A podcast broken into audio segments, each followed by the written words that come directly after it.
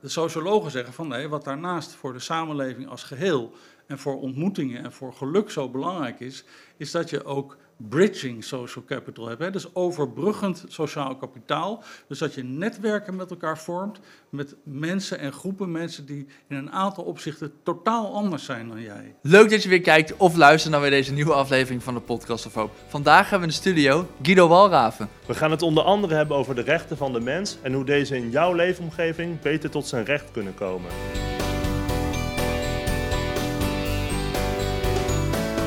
Podcast of Hope. Moving towards happiness. Nou, leuk dat je er bent. Erg leuk. Nou, leuk dat jullie me hebben uitgenodigd. Ja, ja onze podcast gaat over geluk. En uh, ja, we zijn wel benieuwd, eh, is geluk een belangrijk onderwerp in jouw leven? Uh, nou, ik heb er wel over nagedacht nadat ik was uitgenodigd. Ja. En uh, op zich ben ik daar niet heel erg direct en veel mee bezig. Maar ik ben er, als je een beetje langs een zijweggetje kijkt, ben ik wel heel erg bezig altijd met de voorwaarden voor geluk. En dat heeft voor mij heel erg te maken van of de samenleving rechtvaardig is en of die ook duurzaam is ingericht. Ja, inderdaad. En u hoeft er niet over na te denken per se omdat u aan die voorwaarden al voldoet? Of zie ik dat? Uh, ik ben bang uh, dat ik aan heel veel voorwaarden wel voldoe. Ja, en dat heeft er in de eerste plaats mee te maken dat we hier in Nederland wonen, waar, we het in, uh, waar de voorwaarden voor geluk voor hele grote groepen mensen wel vervuld zijn. Uh, tegelijkertijd is er ook in Nederland heel veel armoede en uh, zijn er ook uh, allemaal wachtlijsten voor zorg. Dus dat is niet perfect, helemaal niet. En het moet ook vooral steeds beter. Maar in mijn persoonlijke leven heb ik wel heel veel voorwaarden vervuld zien worden, ja. Ja, precies. Dus bent u gelukkig? ja, ik ben eigenlijk best wel gelukkig, ja. ja. ja. En, en, en, die voorwaarden, wat zijn er? U had het net over uh, dus korte wachtlijsten uh, bij de zorg. Mm -hmm. uh, wat voor voorwaarden zijn het? Zijn het hele specifieke dingen of zijn het wat grotere thema's?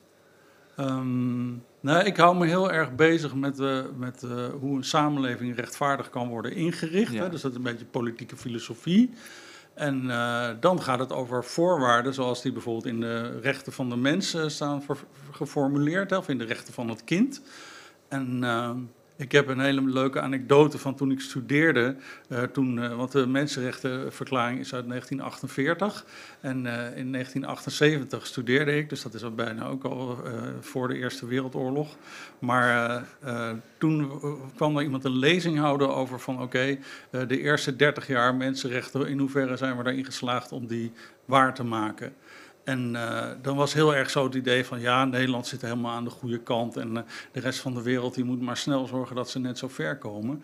En die meneer die die lezing hield, die zei van nou, dat hebben jullie helemaal totaal mis. Want als we uh, op dat moment alle mensenrechten in Nederland zouden realiseren, dan zou daar een enorme grote revolutie moeten zijn. Want anders dan redden we dat niet. En ik weet ja. zeker dat dat eigenlijk nog steeds zo is. He, dus als je heel goed kijkt naar de mensenrechten en je wil die allemaal waarmaken, dan zit Nederland daar heel ver van af. Ja. Wat voor mensenrechten zijn er bijvoorbeeld nog niet aan voldaan hier? Uh, nou, je kunt kijken naar discriminatie, ja. hè, of uh, gelijke kansen in het onderwijs, hè, of uh, gelijke betaling voor gelijk werk. Dat zou je toch verwachten dat dat hier allemaal al gerealiseerd is. Maar een deel van de mensenrechten gaat ook over economische democratie. Dat de werknemers iets te zeggen hebben over het bedrijf waar ze werken. Of het gaat over gelijke toegang tot grondstoffen. Nou, dat hebben we met elkaar ook allemaal niet gerealiseerd. Ja, dus we zitten nog niet op dat punt dat we aan al die dingen helemaal. Ik kan me voorstellen dat we wel op de juiste weg zitten, misschien. Maar we, zitten, we, zijn, we hebben het nog niet bereikt. We hebben nog niet al die vakjes als het ware afgetikt. Nee, nee, nee. En om dat te doen is er dus een. Uh, tegenwoordig zouden we zeggen, is er een maatschappelijke transitie nodig. Hè? Want vanuit het duurzaamheidsdenken praten we niet zo vaak meer over revoluties, maar over transities. Nou, dus die transitie die is best wel groot en die gaat best wel diep. Ja. En die is ook keihard nodig.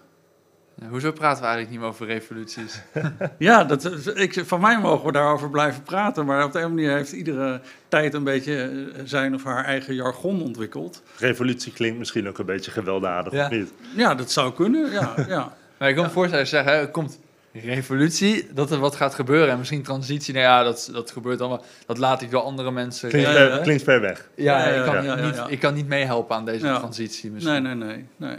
Nou ja, maar het gaat natuurlijk uiteindelijk ook een beetje over de kapitalistische samenleving die we hebben. Ja. En er is een hele beroemde uh, Duitse socioloog, Ulrich Beck, En die heeft gezegd van ja, dat woord transitie moeten we ook loslaten. Het moet eigenlijk gaan over de metamorfose van de samenleving. Dus dat we eerst misschien nu in een soort fase zitten dat de samenleving een rups is. Maar we willen dat die samenleving een vlinder wordt. En die metamorfose, dat betekent nogal wat. Dus dat was ook, hij gebruikte dat beeld om aan te geven dat we daar helemaal niet makkelijk over moeten denken. En het kan inderdaad Ja. waarschijnlijk wel zonder grof geweld, maar het kan niet zonder dat mensen die nu hun belangen heel goed geregeld hebben, daar ook eh, eh, op aangesproken worden. En die zullen, wij als Nederland, als een van de tien rijkste landen, zullen dingen moeten inleveren Ja. om andere landen ook de kans te geven om die voorwaarden voor geluk, want zo kwamen we hierop, die voorwaarden voor geluk te realiseren. ja. Maar bedoelde je nou dat de problemen in het kapitalisme geworteld zitten? Of Ja, voor een belangrijk deel wel. Want het kapitalisme, dat is eh, de, de, de manier om de samenleving zo in te richten eh, dat er eh, kansenongelijkheid is, eh, dat de eh, grondstoffen niet van iedereen zijn, maar van multinationals. Hmm. En dat als, er, eh, als we met z'n allen iets heel moois maken, dat er dan sommige mensen meer profijt van krijgen dan andere mensen. Ja, maar dat lijkt me meer uitkomstgelijkheid en, en niet kansen. Want het lijkt me juist dat kapitalisme een hele goede basis is voor kansgelijkheid, zou ik zeggen. Ja, dat wordt wel gezegd. Hè? Er wordt ook gezegd van Nederland is eigenlijk een soort meritocratie. Ken je dat woord? Ja, nou ja, ja. Ja. D- Ja, ja, en dat, dat blijkt dus een mythe te zijn. Want het is niet zo dat als ik eh, eh, geboren ben in, eh, het, heet het het Spijkerkwartier hier in, Ja, in, in, bij- ja. in Arnhem, hè? Dat ik net zoveel kansen heb dat, dat, dat als ik in, een- in een hele andere buurt geboren ben. Eh, dus het Ja. maakt heel veel uit van wat voor eh, positie, eh, sociaal-economische status, eh, verschillende vormen van kapitaal. Hè, dus niet alleen financieel kapitaal, maar ook sociaal en cultureel kapitaal. Dat maakt allemaal enorm uit van hoeveel kansen mensen echt hebben. Hmm. Hè? Dus er is een, een Amerikaanse filosoof die heeft twee jaar geleden een boek geschreven over de mythe van de meritocratie. Michael Sandel heet hij, of Sandel zou je denk ik zeggen. En die zegt van ja, eh, de meritocratie, die, die, waarom is het nou een mythe? Omdat de meritocratie eh, postuleert of, of ervan uitgaat dat iedereen op hetzelfde plekje begint. Terwijl dat natuurlijk helemaal niet waar is.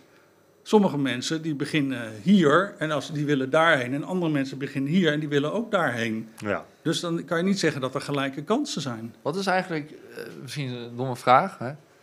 Wa- Wat is eigenlijk de definitie van eh meritocratie? Ik heb het woord nooit... Dat Meritocratie. vraag ik voor de luisteraars, niet voor mezelf. Natuurlijk, ja. Nee, meritocratie, dat heeft te maken met eh, de, iets op zijn merites beoordelen, of de merits. Hè? Dus dat wil zeggen dat je de, de, de ehm, manier waarop je eh, je eh, ontwikkelt, dat die eh, daartoe leidt dat, dat als, jij, als jij je heel ver ontwikkelt en ik niet, dan is het logisch dat jij eh, meer gaat verdienen. En eh, de samenleving die, moet zo ingericht worden dat iedereen kan bereiken wat hij wil. En wat je dus doet, is dat je, en dat is dat, dat op zijn merites, is dat je zegt van oké, van mensen hebben verschillende talenten, maar of ze die talenten ontwikkelen, is een individuele actie waar je iemand ook individueel voor moet waarderen. En dat is dus een bepaalde filosofische stroming, terwijl andere stromingen die zeggen, en daar voel ik me meer bij thuis, die zeggen van ja, maar je moet ook kijken naar de maatschappelijke condities of de maatschappelijke voorwaarden om mensen in staat te stellen om hun talenten te ontwikkelen. Ja, dus een beetje het idee van je... Aan de ene kant geef je met hè, het kapitalisme dan mensen vrijheid, maar het is een soort van paradox. Je geeft ze vrijheid waardoor ze eigenlijk niet meer vrij kunnen zijn, omdat mensen daar misbruik van kunnen maken of op een ander voetstuk beginnen misschien. Nou, ik weet niet of het per. Kijk, de vrijheid is meestal de vrijheid van de mensen die het al goed hebben om het eh, nog beter te Ja. krijgen. Hè, want de eh, kapitalisme, dat is meer zo van de camera gaat met de kopgroep mee. En er zijn weinig mensen binnen het kapitalisme die zich omdraaien en zeggen van... hé, hey, waarom gaat het nou met sommige groepen zo slecht en moeten we die niet ook helpen? Dus solidariteit is niet iets wat eh, per definitie goed Ja. gedijt binnen het kapitalisme. Dat kan ik me goed voorstellen. Ja. Ja. Terwijl we hebben die solidariteit nodig om die mensen die op een heel ander niveau starten om verder te komen, om die ook gewoon echt te ondersteunen en in staat te stellen, hè, met empowerment en met andere dingen, om ook zo ver te komen dat zij hun talenten kunnen ontwikkelen. Ja, ja. ja ik ben het helemaal mee eens. Maar dat is natuurlijk ook wel een, een, een politiek. eh, Jazeker, nee, Thema? het is puur politiek. want ik denk ook Ja. bijvoorbeeld mensen zouden zeggen die zeggen van ja, ik, ik vind juist kapitalisme mensenrecht. Ik kan me ook voorstellen dat er mensen zijn die dat zeggen. Ja, maar da- daarom heb ik, ben ik begonnen met te zeggen van ik ga uit van de rechten van de mens zoals die door de Verenigde Naties zijn aangenomen. En daar staat, staan allerlei dingen in, want zo kwamen we daar een heel klein beetje op, over eh, economische democratie. Ja. En het, eh, de, de, je vindt de economische democratie is in strijd met het kapitalisme. En dat is een politieke uitspraak, maar die wil ik graag doen. Ja, ja mag ook. Het is interessant, ja. Ik vond het ook interessant dat u zei dat toen... ehm, eh, net op, ik, ik weet niet, was het op een conferentie? Maar dat, dat die, oh, toen die mensenrechten werden bepaald... dat we in Nederland nog niet op die mensenrechten zitten. Ja. Want wat zei u nou? We wilden dan andere landen toetsen aan, aan hoe het was in Nederland... omdat wij dus alle mensenrechten hadden bereikt. dat ja. zei u toch? Nee, dus de, de sfeer was een beetje van, nou, mensenrechten, Nederland scoort hartstikke hoog. En eh, we gaan andere landen helpen om eh, ook beter te worden om aan die standaarden te voldoen. Ja. En die meneer die die lezing hield in 1978, die zei dus van, ja, dames en heren, ik moet u teleurstellen, want Nederland voldoet helemaal niet goed aan die standaarden. Ja. Ja, Dat is een beetje naïef dus eigenlijk. nou ja, dat is een beetje de sfeer die we met z'n allen gecreëerd he- hadden toen, maar eigenlijk nog steeds wel van, nou, Nederland doet het eigenlijk in heel veel fronten hartstikke goed. Ja. Terwijl als je Ja. bijvoorbeeld nu kijkt naar de duurzaamheidsdoelen, hè, bijvoorbeeld de, de, eh, er zijn ook weer eh, duurzaamheidsdoelen van de Verenigde Naties. Eh, daar denkt Nederland ook van, daar zijn we hartstikke goed in. Maar eh, een paar jaar geleden was er een, eh, een rechtszaak van Urgenda. Eh, die zei van ja, Nederland die, eh, gaat die Parijse akkoorden nooit halen, want er Ja. worden geen inspanningen verricht. Ja, inderdaad.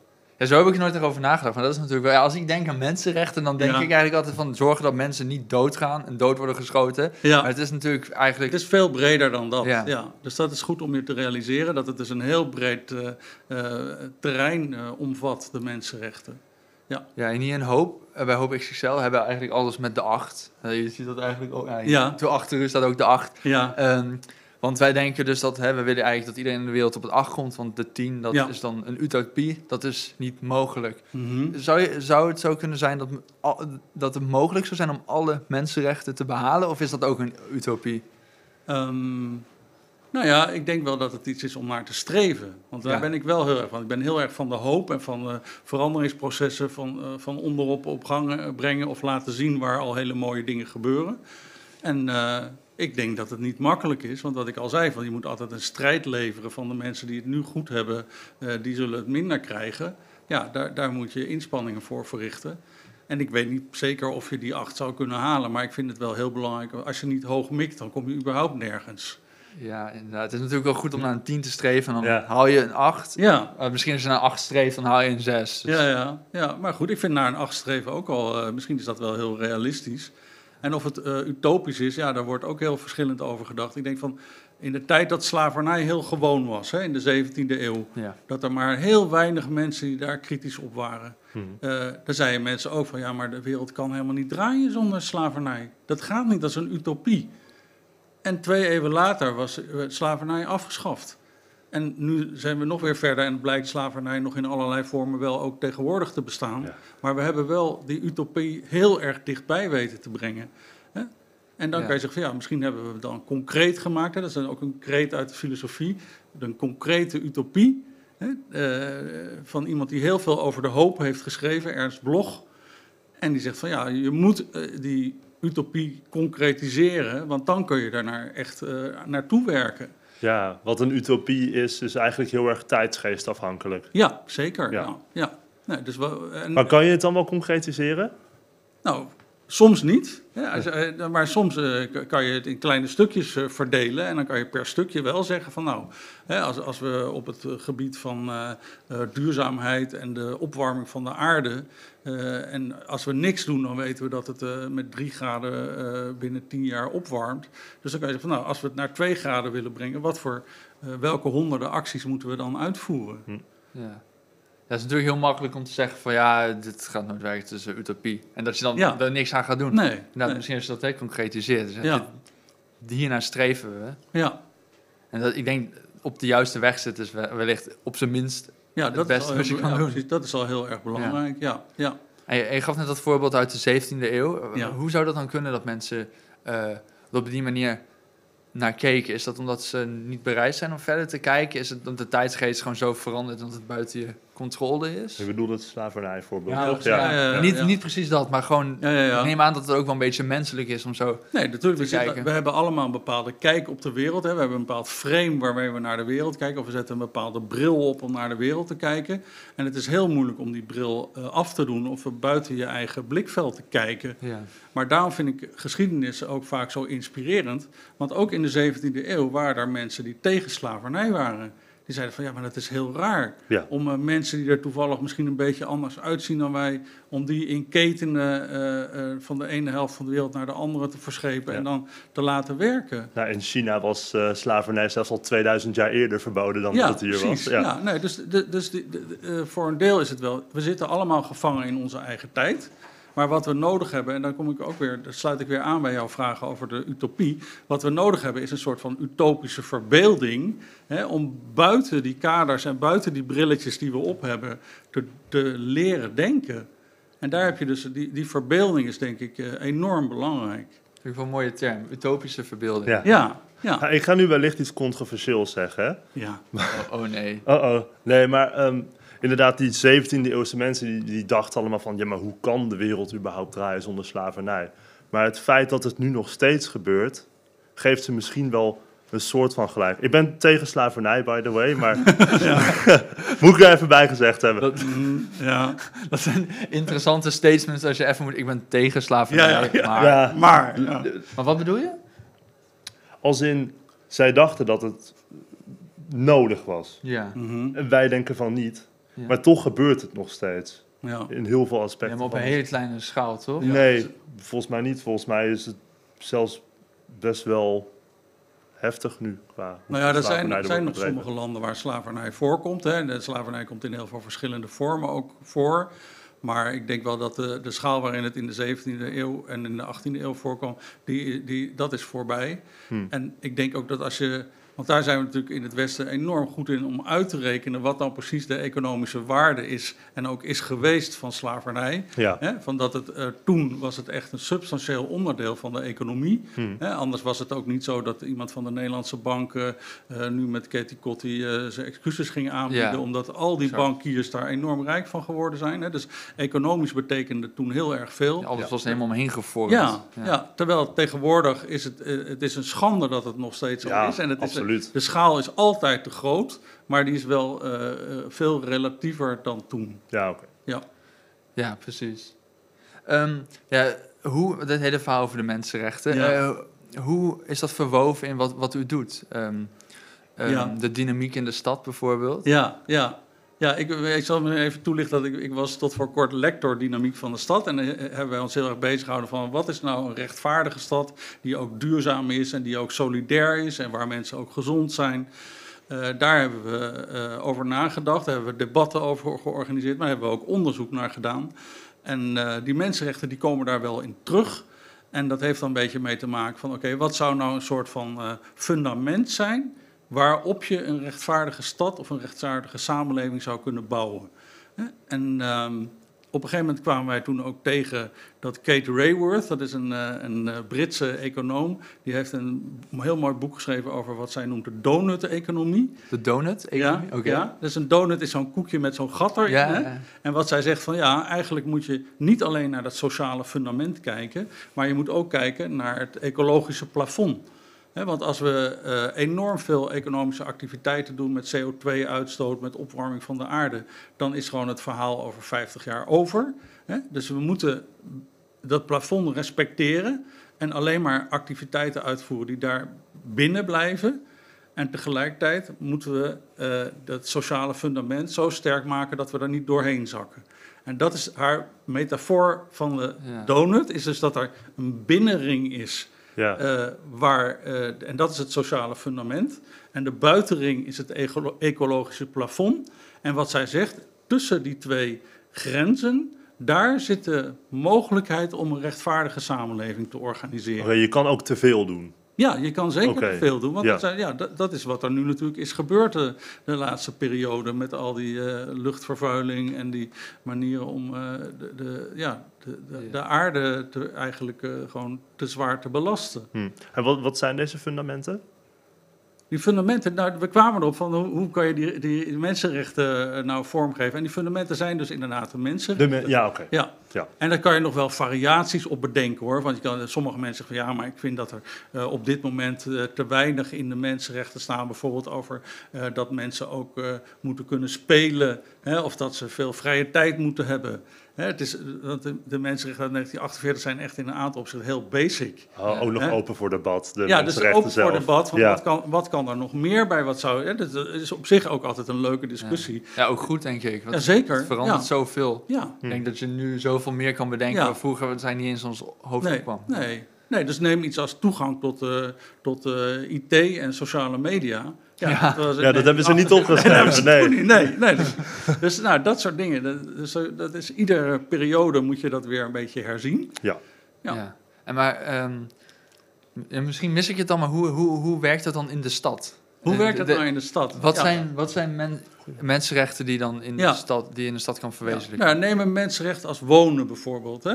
Of neem een mensenrecht als onderwijs. Nou, bij wonen zien we eh, ook in Nederland dat het steeds moeilijker wordt voor jonge mensen om eh, aan een huis te komen. Hè? En dan kan je wel zeggen, ja, iedereen heeft recht om ergens te wonen. Maar eh, als, je, als dat niet meer lukt in een stad als Arnhem of in een stad als Rotterdam, eh, dan doen we met elkaar iets niet goed. Dus dan hebben we de stad Ja. niet rechtvaardig ingericht, zodat iedereen ook een huis krijgt. Maar het is wel binnen de context van de stad. Dus hoe richten we de stad in? Of is Ja. het ook, kun je ook denken van, oh, we moeten buiten de stad meer Nee, bouwen? nee, d- oké, dus dat, ehm, dat is een terechte vraag, want wat is nou precies de stad? En Nederland is natuurlijk uiteindelijk is een enorm verstedelijk land. Hè? Dus, eh, en we hebben inderdaad ook nog prachtige stukken natuur en zo. En, maar ehm, het idee is meer van dat eh, de, de, de stad is ook een beetje een metafoor van de samenleving. Hè? Het is een, beetje Ja. een samenleving in het klein. Hè? En bijvoorbeeld als het gaat over diversiteit, dan is als mensen dicht op elkaar wonen, moet je meer je best doen om met verschillen om te gaan, dan dat als iedereen heerlijk ver uit elkaar woont. Want als de eerste boerderij eh, naast de mijne een kilometer verderop is, ja, dan zie ik misschien eh, die, die buren, die zie ik eh, tien keer per jaar. Terwijl als ik in een stad woon en ik, ik, ik woon in een, eh, in een flat of zo eh, met 400 mensen, ja, dan zie ik die, heel veel daarvan zie ik iedere week. Ja. Dus eh, dan moet je dingen anders organiseren. En dat helpt dus in het denken over van hoe kan je een stad dan rechtvaardig organiseren. Nou, en één ding is dan van dat je zorgt dat iedereen inderdaad woonruimte krijgt. En een ander ding is ook dat je zegt van ja, hoe, hoe doen we dat nou eigenlijk met onderwijs? En dat, nou, als je wilt kan ik dan ook iets meer vertellen over diversiteit in het onderwijs. En dat is natuurlijk vooral in steden eh, en in de grotere steden speelt dat heel erg. Hè, dat, nou, ik noemde al van eh, in, in Arnhem heb je ook rijke en, en arme buurten. Die heb je in iedere stad. Eh, die heb je vast in Duiven ook, maar daar kon ik het voorbeeld niet van geven. Hè? Dus heb je bijvoorbeeld een Finex-wijkje waar duurdere huizen staan of waar alleen maar duurdere huurhuizen staan. Nou, die verschillen, daarmee omgaan, eh, is heel belangrijk voor een solidaire samenleving en dus ook voor een rechtvaardige samenleving.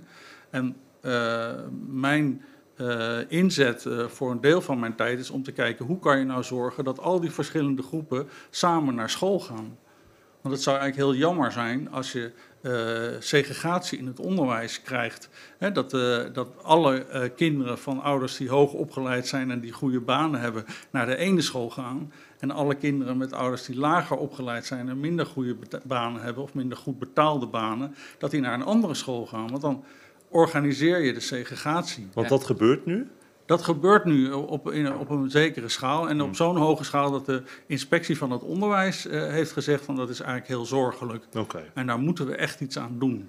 En hoe komt dat? Komt het dat dan men, eh, de scholen in, buurt, in, in die buurten staan waar bijvoorbeeld mensen erg gebonden zijn aan hun, eh, aan hun welvaart? Ehm, en dat je dan naar die school gaat. Is dat, is dat, komt dat daarom? Of? Nee, het is altijd een combinatie van factoren, want het is een heel complex probleem. Maar eh, ik geef heel vaak het voorbeeld van een gemengde buurt. Hè? En, nou, en in Amsterdam zou ik dan zeggen van dat is in de pijp. En, eh, nou, dus daar wonen echt heel veel verschillende soorten mensen met heel veel verschillende achtergronden en heel verschillende inkomensniveaus. En eh, dus dat is echt een van de, van de meest pluriforme wijken van Amsterdam. En eh denk je van, nou, dan ben ik benieuwd hoe dat dan op die scholen Ja. uitpakt. En dan ga je kijken en dan zie je dat, dat dat ongeveer zichzelf uitselecteert. Dus dat in een gemengde wijk heel gesegregeerde scholen staan.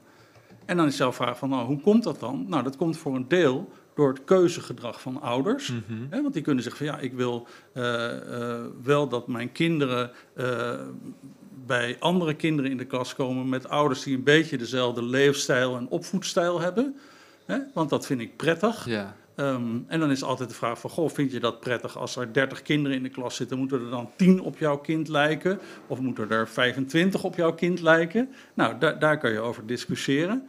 Maar dus het keuzegedrag is één ding. En een ander ding is dat ook het, de, het aannamebeleid van scholen, dat speelt ook een rol. Want eh, eh, als je daar onderzoek naar doet en je gaat met, eh, met bijvoorbeeld schooldirecteuren of schoolbesturen praten, nou, dan zeggen ze ook wel eens van ja, nee, maar wij vinden het heel fijn om eh, een beetje een homogene groep ouders te hebben, want dat is prettiger voor iedereen en dat is makkelijker voor de leerkrachten. En dat is, eh, nou, dat is ook, eh, dan leren we echt lekker samen, kan iedereen goed opschieten. Ja. Ja, en de vraag is dan van hoe realiseren ze dat? Want in, officieel mag dat niet in Nederland. Je mag niet op die manier selecteren aan de poort. Dus dan zijn er misschien wel informele praktijken om dat eh, voor elkaar te krijgen. Ja. ja, want wat u nu zegt, dat ligt eigenlijk, eigenlijk buiten eigenlijk de, de, de macht van de stad, om het maar zo Mhm. te zeggen. En dat is eigenlijk het keuzegedrag inderdaad van de ouders en Ja. hoe, de, hoe de schoolhoofden er naar kijken. Ehm, ja, dus ze hebben best wel een grote invloed op, ook op dit probleem, toch? Of is het... Jazeker, nee. Dus eh, eh, heel veel actoren, heet dat dan, heel veel verschillende mensen hebben invloed op zo'n probleem. En daarom wordt het ook juist zo complex genoemd. Want je hebt Ja, iedereen nodig om tot een oplossing te komen. Maar hoe wil een stad hier dan überhaupt enige controle over uitoefenen? Ja, nou ja, eh, als je wat verder in wil gaan op dat voorbeeld, dan kan je bijvoorbeeld eh, een centraal aanmeldbeleid organiseren. Hè. Dat is een, is een aantal gemeenten, zoals bijvoorbeeld in Nijmegen. Dat is de stad eh, waar ze dat al het langste doen. Daar doen ze dat al 18 jaar.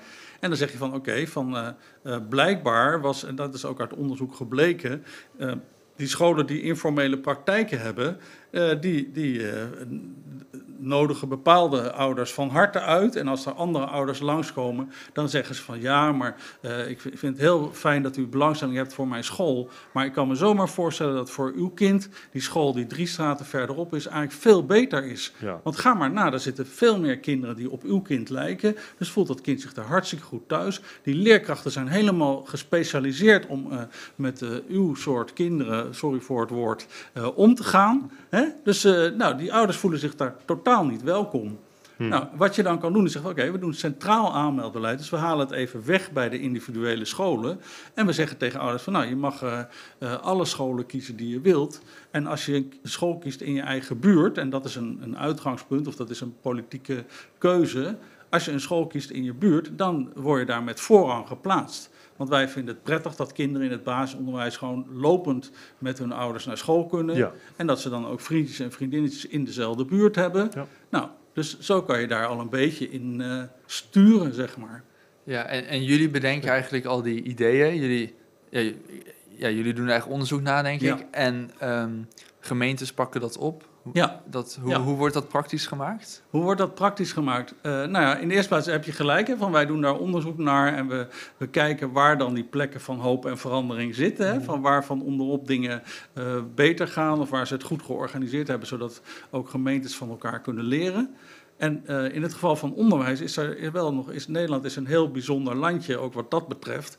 Want eh, er is vrijheid van keuze van ouders, maar er is ook vrijheid om scholen te stichten. Dus we hebben heel veel type scholen in Nederland. Ja. En op een gegeven moment, al eh 15, 20 jaar geleden, is er wetgeving gekomen waarbij gezegd is van ja, eigenlijk moeten alle schoolbesturen samen met de gemeente, moeten over een aantal belangrijke punten in het onderwijs, in dit geval dan het basisonderwijs, moeten ze om de tafel zitten en dan moeten ze het eh, over dingen eens worden. En een van die dingen is dus van oké, hoe gaat dat met leerlingstromen en hoe gaat het met gelijke kansen en hoe gaat het met segregatie? Nou, dus daar moeten ze het al met elkaar over hebben. Ja. Dus dat, dat is dan een soort van eh, opdracht die je vanuit de wet meekrijgt. Nou, en dan kunnen wij kijken van, goh, zijn er al gemeenten die dat met schoolbesturen hartstikke goed doen? Dan kunnen we daar voorbeelden van bekendmaken, zodat anderen daardoor geïnspireerd raken. Hoe, hoe reageren mensen hierop? Zijn ze enthousiast om, om dit, deze problemen op te lossen? Of zijn ze wat, eh, zoals we het eerder hadden over de 17e eeuw, Ja, die zeggen van ja, dat is eh, utopie, daar gaan we niet over nadenken? Nou ja, dat, is- dat wisselt een beetje hoe mensen daarover denken. En, eh, maar eh, eigenlijk wat ons wel eens verbaast, is hoeveel mensen het eigenlijk met elkaar eens zijn hierover. Hmm. Dus eh, twee jaar geleden hebben wij een groot onderzoek gedaan in Utrecht. En in Utrecht waren allerlei signalen inderdaad van die informele praktijken dat ouders eh, zich niet welkom voelden op een aantal scholen. En eh, nou, dan zeggen de schoolbestuur en de wethouder, die zeggen al van ja, ja, eh, incidenten of anekdotes, daar kan ik niks mee. Ja. Dus toen zei de gemeenteraad op een gegeven moment van nou, dan laat dan maar een serieus onderzoek doen. Ja. En misschien komt daaruit dat het niet waar is en dan weten we dat. Maar als eruit komt dat het wel waar is, dan weten we ook dat, dat we daar wat aan moeten doen. Nou, Ja. dus toen zijn wij interviews gaan houden met eh, schoolleiders en met ouders en met anderen. En eh, daar kwam uit dat, eh, en dat was op zich wel grappig, dat bijvoorbeeld schooldirecteuren die zeiden van nou, ik kan zo drie collega's noemen die een school hebben waar, waar kinderen op een informele manier onwelkom zijn. Hè? Ja. Maar ik zou dat nooit van mijn leven doen. En, eh, maar andere eh, directeuren in de buurt van deze directeur, die zeiden dat ook. Dus op een gegeven moment kon, kon je het niet bij elkaar optellen, maar het was wel duidelijk dat het gebeurde. En wij vroegen dan ook door van, oké, hoe zou je dit nou kunnen oplossen? Ja. En toen gebeurde er eigenlijk iets heel bijzonders. Want toen zeiden die schooldirecteuren van, ja, eh, ik heb de opdracht, ook van mijn bestuur, om iedere keer te zorgen dat er voldoende leerlingen in mijn school komen. Want anders moet ik leerkrachten ontslaan en dat willen we met z'n allen niet. Ja. Hè? Eh, dus ik doe daar enorm mijn best voor. En dan staat in de wet dat je een kind pas in je school mag inschrijven als het drie jaar is. Maar als er nou ouders bij mij langskomen die een kind hebben van twee, dan ga ik die niet wegsturen, want ik wil die kinderen Ja. hebben. Dus dan heb ik een soort eh, lijstje wat op de rand van mijn bureau ligt en wat verder niet bestaat. Waarvan ik, en dan zeg ik tegen die ouders: Nou, oké, jouw kind kan hier komen, maar je moet even volgend jaar terugkomen, want dan verplaats ik dat lijstje naar eh, de officiële lijst in de computer. Ja, ja. Nou, en toen zei die directeur, die zei van ja, eigenlijk zou ik het veel liever oplossen door dat niet te doen. Want ik voel mij ook raar tegenover andere ouders. Hè? Maar de, eh, omdat we met vier scholen in één wijk zitten en ik zie dat die andere scholen daar steeds jongere kinderen inschrijven, dan voel ik mij ook een, eh, iemand die zichzelf benadeelt als ik niet meega in dat proces. Maar ik zou veel liever willen dat er een duidelijk beleid komt dat niemand het mag en dat het gehandhaafd wordt. En nou, dat moet dan misschien de gemeente maar doen, of we moeten een stichting oprichten. Maar het moet weg bij ons als schooldirecteuren. Ja, en dan heb je het ook weer een klein beetje over dat kapitalisme, toch? Dat je moet, moet concurreren Ja, wat eigenlijk Ja, mensen benadeelt. ja. Terwijl ik denk van ja, eh, onderwijs is niet een soort van, eh, het is niet een pak macaroni, toch? Het, is een, het, is een, eh, een, een, ja, het is een publieke waarde om te zorgen dat er goed onderwijs is. Ja. En je wilt dat alle kinderen gelukkiger worden of dat ze hun talenten ontwikkelen en dat soort dingen. Nou, dan, dan moet je misschien af en toe eens die afstand nemen en inderdaad die concurrentie daaruit halen. En eh, als ik nog heel even dat verhaal mag afmaken. Dus die schooldirecteuren die zeiden van nou, ik vind het niet leuk. En die ouders die we interviewden, die zeiden eigenlijk in principe hetzelfde. Dus wij hebben hoogopgeleide ouders geïnterviewd. Die zeiden van ja, dat mag helemaal niet hoor. Maar ik heb mijn kind op drie scholen ingeschreven. Want dan wist ik zeker dat er wel eentje door zou gaan. En, eh, maar ik voel me er toch ongemakkelijk bij. Want eh, het is een beetje een soort van alsof ik gebruik maak van het recht van de slimste. Hè, van want ik weet dat soort weggetjes en ik durf het te doen. Terwijl andere ouders die komen op een heel laat moment van: oh ja, ik moet nog een school zoeken. Hoe zou ik dat eens aanpakken? Maar dan ben ik al in die school geweest en heb ik mijn kind daar al ingeschreven. Dus ik, ik zou liever, zolang het niet verboden is, doe ik het, want ik wil het beste voor mijn kind. Maar ik zou liever willen dat er ergens een instelling is of een instantie is die het verbiedt en die zorgt dat er gelijkheid is en gelijke kansen en dat dat ook gehandhaafd wordt. Ja, inderdaad. Dus dat is een beetje die, die, ja, dat dilemma waar je in zit met schoolkeuze. Maar dat, dat is dus op zich wel op te lossen. Ik, ik ben benieuwd wat er nog meer kan bijdragen aan geluk. Eh, Geluk Ja. vinden wij interessant in deze podcast. Ja. Eh, wa- wa- wat je kan doen binnen de stad om Ja. het geluk te bevorderen. Ik kan me voorstellen dat misschien, maar dat weten misschien zit ik helemaal fout, hè, maar bijvoorbeeld meer natuur, meer groen in de Mhm. stad. Of. Ik weet niet of dat ook eh, uw Ja. expertise, eh, jouw expertise is, maar Mhm. Eh, nee, maar, maar groen is wel een mooi punt. En dat heeft ook voor heel erg te maken met van hoe ziet de openbare ruimte eruit. En eh, wat je wilt in een, eh, een stad, er zijn ook hele boeken geschreven over de happy city, hè, van hoe kan je een stad inrichten Oh ja. om het te doen. En daar is ook in Nederland heb je eh, het planbureau voor de leefomgeving. Die, heeft, die maakt daar ook prachtige rapporten over. En eigenlijk is iedere keer de kern daarvan van oké, we hebben openbare ruimtes en die moeten eigenlijk uitnodigen om mensen met verschillende achtergronden toe te laten Mhm. en ook te zorgen dat ze elkaar ontmoeten. Hè? Dus dat je niet zegt van ja, leuk, we hebben een heel groot plein. En eh, de, de ene groep mensen die zit in de ene hoek en die Ja, doet ja, ja. hè, de- hun eigen dingetje. En in, nee, je moet zorgen inderdaad. En dat, daar kan groen en bankjes en dat soort dingen kan daar een enorme rol bij vervullen. Dus Ja. eh, daar wordt zeker over nagedacht hoe je dus ontmoetingen kunt stimuleren in de openbare ruimte. Ja, dat lijkt me een hele goeie, ja. Dat, dat, dat, dat zorgt ook voor meer overdracht van ideeën. Ja, Ja, Ja. dat is toch goed. Ja, Ja. ja. ja, En wat, wat je altijd hoort, hè, is ook van eh, dat eh, als je. eh, stel dat je inderdaad een plein hebt en er zijn eh, eh, t- twee eh, verschillende kroegen die een totaal ander publiek hebben, dan wordt het toch heel snel een beetje van wij en zij. Ja, En ja, ja. vooroordelen over elkaar. En van, eh, of zij houden van voetballen en zij houden daar niet van. Dat soort dingen krijg je dan. Ja. Terwijl eh, die vooroordelen, die kan je alleen maar afbreken door mensen in de ogen te kijken Ja. en ze echt te ontmoeten. En als je dus een openbare ruimte zo inricht dat eigenlijk ontmoeten heel, eh, dat dat ingewikkeld wordt of dat het eigenlijk een beetje wordt tegengewerkt, ja, dan heb je het als stad, eh, draag je niet bij aan geluk. Ja. Ja.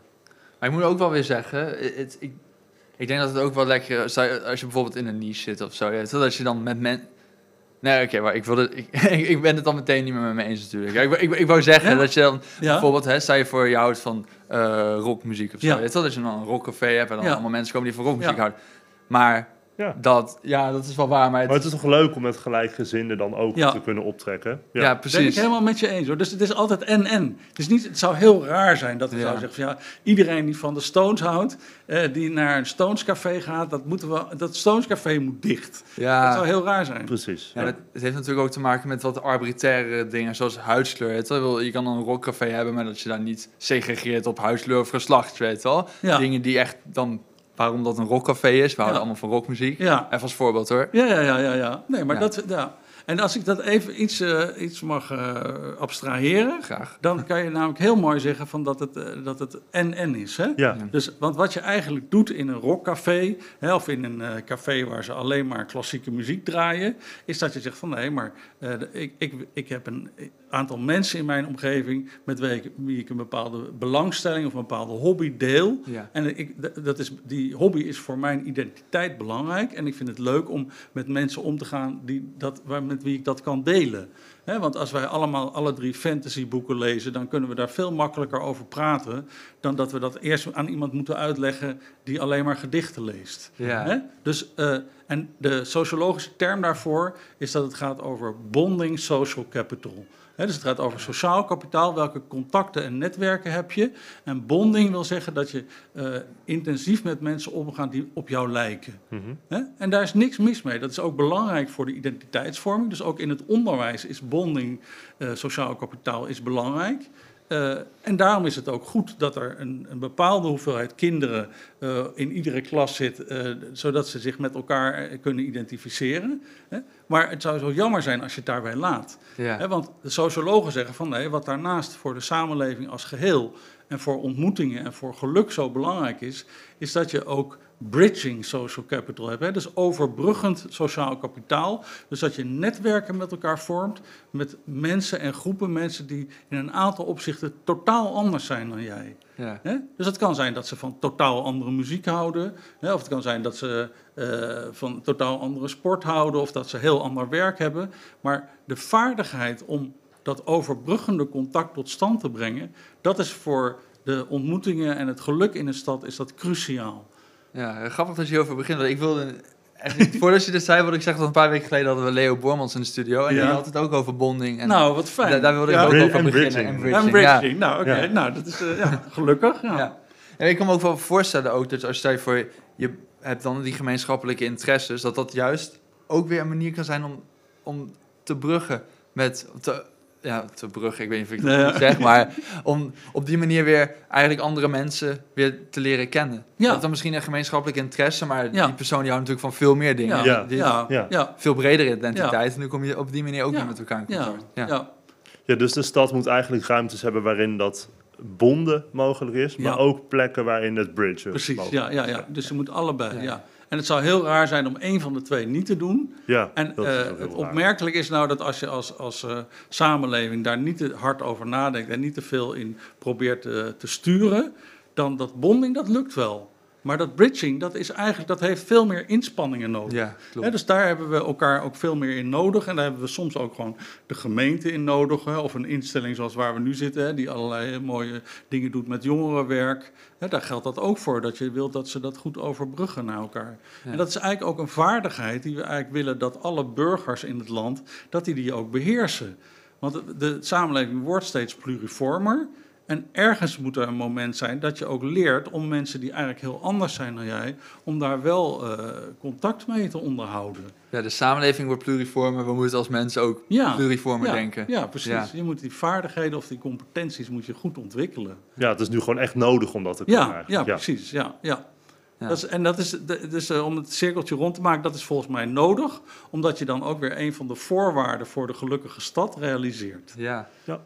Ja, het is ook een soort van balans, hè? Een soort van yin-yang teken. Dat- Oh ja, Tussen de, de Ja. orde en de chaos zit Ja. tussen het bonden en bruggen. Ja, ja zeker. Ja, interessant. ja. Zijn er steden in Nederland die eh, heel erg dichtbij zitten, bij, eh, waar jullie allemaal naar streven?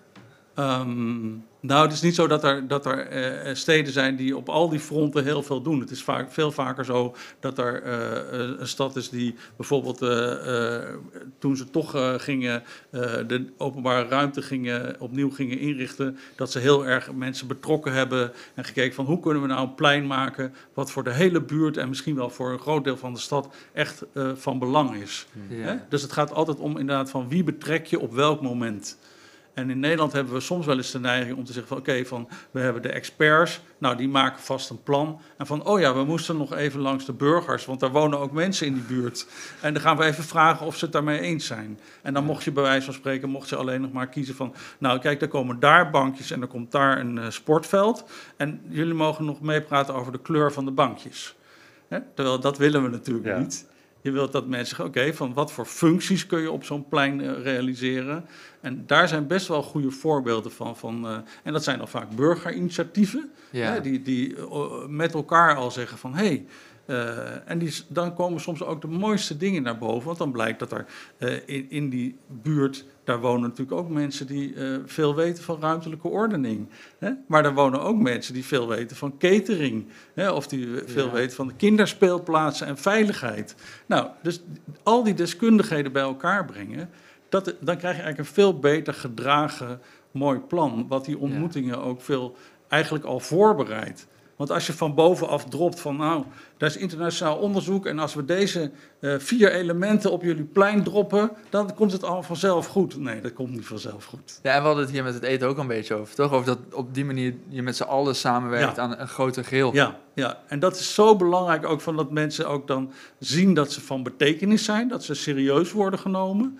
En dat ze ook, nou, wat dan ook kan, vaak kan helpen, is dat er buurtbudgetten beschikbaar zijn. Ja. Dus dat het niet alleen maar is van, nou, eh, jullie zijn hartelijk welkom om alle ideeën die je maar wilt. Maar uiteindelijk, ja, het is allemaal ook een beetje duur. Dus de- wij gaan uiteindelijk zeggen waar er dan wel en niet geld voor is. Ja. Dat is ook een beetje beperkt. Hè, dus je kan ook zeggen, oké, we hebben alle vertrouwen in jullie. We gaan in gesprek. Oh, en jullie kunnen met allerlei ideeën komen. Je mag ook nu weten eh, dat er zoveel geld beschikbaar is. En we nodigen jullie uit om samen te kijken van hoe we dat zo kunnen besteden... dat, dat we zo dicht mogelijk bij jullie ideeën komen. Nou, Ja. Dan heb je een heel ander gesprek. Ja, dus wat je eigenlijk aan het begin al zei over eh, bedrijven democratisch maken, is Ja. de gemeente Ja, democratisch ja, maken. ja, ja. Ja. En dat is eigenlijk ook dat je zegt van, oh, dus was op een gegeven moment ook in het kader van die rechtvaardige stad, is er dan altijd een soort sleutelvraag van wie is de stad? Hè?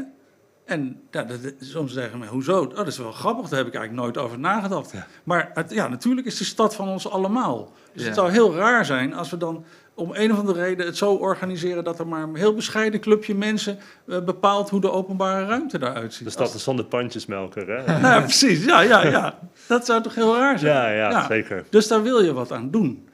Dus dan, eh, nou, daar is ook wel, dan, eh, als we dan even weer ook dat lijntje van de mensenrechten. op een gegeven moment zijn mensen ook zeggen van ja, maar eigenlijk hoort het recht op de stad. Zou eigenlijk ook een mensenrecht moeten zijn. Hmm. Dus dat we met z'n allen als inwoners van de stad bepalen van wat wij belangrijk vinden. Want wij betalen ook de lokale belastingen. Dus nou, en wat vinden we dan aan publieke waarde of aan publieke ruimte of aan eh, nou, eh, buurtbedrijven of burgerinitiatieven? Hoe zullen we dat nou doen? Ja. Kun je ook verschillen zien? Misschien is het dan een beetje kort door de bocht, maar tussen de stad en een dorp. Want ik kan me voorstellen dat, dat bijvoorbeeld het, dat, dat, ehm, eh, misschien dat gevoel van gemeenschap, maar ook, eh, ik, ik weet niet hoe dat in wijken werkt, in dorpen, Mhm. maar dat dat misschien rechtvaardiger is dan in een stad. Is dat zo? Ehm, ik heb zo, naar die expliciete vraag heb ik geen onderzoek gezien. Ja. Ehm, maar er zijn natuurlijk zeker ook verschillen tussen kleine gemeenschappen en grote gemeenschappen. Eh, en dat kan zowel in het voordeel werken van dat mensen meer gemeenschapsgevoel hebben. Hè, bijvoorbeeld dat je, als je een klein dorp hebt en daar is één supermarkt en die moet helaas sluiten omdat eh, de, de mevrouw die het doet met pensioen gaat of omdat het, de omzet te laag is. Dat de, de, de, het dorp dan samen zegt, oké, we kunnen eh, een rooster maken. Want dan, en dan zorgen we zelf dat die winkel wel bemenst wordt. Hè? Ja. Nou, of dat, ze dat de. Dat heb ik ook wel ge- gehoord, dat er een dorp is waar de dorpskroeg op een gegeven moment dicht gaat. En dan zeggen mensen van ja, maar dat is eigenlijk bloedzonde, want dat, daar zitten we ieder weekend of dat Ja. vinden we hartstikke leuk. Dus nou, dan verbroederen mensen zich of dan voelen ze zich solidair. Dan gaan ze samen wel die dorpskroeg in leven houden. Dus dat zijn de positieve dingen. Maar er zijn ook dorpen waar al eh, eh, heel erg lang eh vetes heersen. En van de mensen van de ene kant van het dorp, die willen niet met die van het andere. Hè? Ah, Of er ja, zijn natuurlijk. er zijn vier kerken die niet met elkaar enzovoort. Hè. Er, er kunnen allerlei hele kleinzielige dingen ook spelen. En die spelen op een bepaalde manier ook wel in de stad. Maar de stad is natuurlijk door het formaat is die veel anoniemer. Hè, dus dan, dan eh, ja, daar, daar zijn ook wel gemeenschappen. Eh, maar je kan ook, als je wilt, of als je, als je het niet wilt, gebeurt dat ook. Want er is natuurlijk heel veel eenzaamheid ook. Zowel in het dorp als in de stad. Dat je ja, in de anonimiteit verdwijnt. Ja. En dat je dat eigenlijk helemaal niet prettig vindt. Ja, het lijkt me ook dat de besluiten van, van de personen in een kleinere gemeenschap veel gewichtiger zijn. Die hebben veel directere en grotere invloed, omdat Ja, er toch minder mensen zijn die ook besluiten maken. ja, ja, Dus dat lijkt me juist inderdaad iets fijns. ja, ja. Ja. ja. Maar zowel voor de stad als voor de dorpen geldt van ja, je moet het met elkaar rooien. Ja. En eh, dat Ja. moet je ook willen. Dus, eh, en dat, dat is ook wel belangrijk. Van je moet het, het moet ook niet een soort van sociale druk worden. Van ja, we hebben nu een buurtbarbecue. En waarom was jij daar niet? Ja, ja, Eh, ja, eh, Ehm, Ik was ziek. ja, ja, ja. ja. Ja, Hè? nee, ja. dus je moet ook ruimte aan elkaar geven. Want, nou, niet iedereen houdt van buurtbarbecues. Maar misschien houden mensen ook nog van iets anders. En dan mogen zij dat ook organiseren. Ja, inderdaad. dus die ruimte creëren om, om eh, initiatieven te honoreren, dat is wel belangrijk. Ja. Ja, wat je net zei over die kroeg in een dorp. Ik weet toevallig dat in Arnhem had je Willem I, zo'n jongere Ja. die zou ook weggaan. Ja, Dat is ook een plek waar mensen elkaar ontmoeten. ja. Eh, en toen heeft iedereen, ja, dat zit er nu nog, Zit omdat nog, iedereen ja. toen ook geld ging nou, inzamelen. goed, ja, ja. Dus daar heb je dat eigenlijk ook. Ja, nee, dus dat kan heel goed daar ook, ja. Ja, Ja. ja. Nou, we zitten wel een beetje aan het einde van de podcast. Echt waar? En we Oh. vragen altijd aan onze gasten of ze nog een tip hebben voor de mensen die luisteren, waar ze gelukkig van kunnen worden. Ja, ze worden Mhm. natuurlijk niet gelukkig van een tip, maar ik wil, Nee. waar ze wat mee kunnen doen. Of Het uitvoeren van de tip. Dat is Ja, uit kunnen halen. Of, Ja. Nou ja, mijn tip zou misschien zijn dat het eh, de moeite loont om te verkennen wat je zelf kan bijdragen aan eh, die ontmoetingen in je leefomgeving. Hè? Van, eh, ja, dat is, want ik heb het zelf ook wel eens geprobeerd en dat vind ik soms heel moeilijk, maar het levert er altijd hele bijzondere contacten op. Hè? Omdat je toch een beetje geneigd bent in je eigen cirkeltje rond te draaien. En dat is voor de bonding is dat hartstikke goed. ja. Maar je moet af en toe jezelf even een duwtje geven van nee, ik wil ook. En dan hoef je het voor mij helemaal niet eh, bruggen te noemen of overbruggend eh, sociaal kapitaal. Maar wel dat je je ervan bewust bent van hé, hey, het kan ook wel eens eh, de moeite waard zijn om te proberen met andere groepen in contact te komen. ja. En het leuke is, en dat het, misschien dan tot slot, van toen de eerste COVID-golf kwam, hè, toen was er eigenlijk ook een golfje van solidariteit. ja. Hè, dat mensen zeiden van, oh ja, maar daar woont een oudere mevrouw. Ik ga onmiddellijk vragen of ik niet boodschappen voor haar kan doen. En dat durfden mensen nu, omdat er een pandemie was. Maar eh, zeg maar, het jaar daarvoor hadden mensen, ja, maar die, ik weet wel dat hij misschien heb ik een soort vage notie dat die mevrouw daar woont, maar ik ga toch niet eh, bij spreken bij haar aanbellen van kan ik uw boodschappen doen? Ja. Dus je hebt soms ook eh, een externe prikkel kan ook helpen. Ja, inderdaad. en zou je dan zeggen van je moet die dingen ook doen zonder die externe prikkel? Je zou misschien sowieso bij de buurvrouw een keer langs moeten gaan om te vragen hoe het Nou met ja, is. ja, dat zou natuurlijk leuk zijn. Ja. Ja. Als je iets met die buurvrouw hebt, of als je er nieuwsgierig naar bent hoe zij leeft, of weet ik wat. Maar Maar dit Ja. is nu wel een externe prikkel geweest, hè? Oh, oh. ja, ja, de tip is een externe Ja, prikkel. precies. Ja, ja, ja. ja. ja. Ja. Nee, nou, heel erg bedankt. Ik vond het eh, echt Ja, heel dankjewel. interessant. Ja. Graag gedaan. Ik vond het ook een leuk gesprek. Dankjewel voor de vragen. Bedankt voor het kijken of luisteren naar deze aflevering van de Podcast of Hoop. We hopen dat je ervan hebt genoten of misschien wel geïnspireerd door bent geraakt. Iedere zondag om 10 uur komt er een nieuwe aflevering online op YouTube, Spotify en op al je andere favoriete podcast-apps. Ook kun je ons vinden op www.podcastofhoop.nl. Tot ziens en veel geluk! De wereld waarin we leven biedt nog geen gelijke kansen. Voldoende eten en drinken. Een adequate opleiding. Goede gezondheidszorg. Vrede en geluk is niet voor iedereen weggelegd. Maar stap voor stap wordt het beter. En zijn we op weg naar een octopische samenleving waarin iedereen zijn of haar leven als goed kan beschouwen. Het is een lange reis, maar we zijn op weg. Podcast of Hope. Moving towards happiness.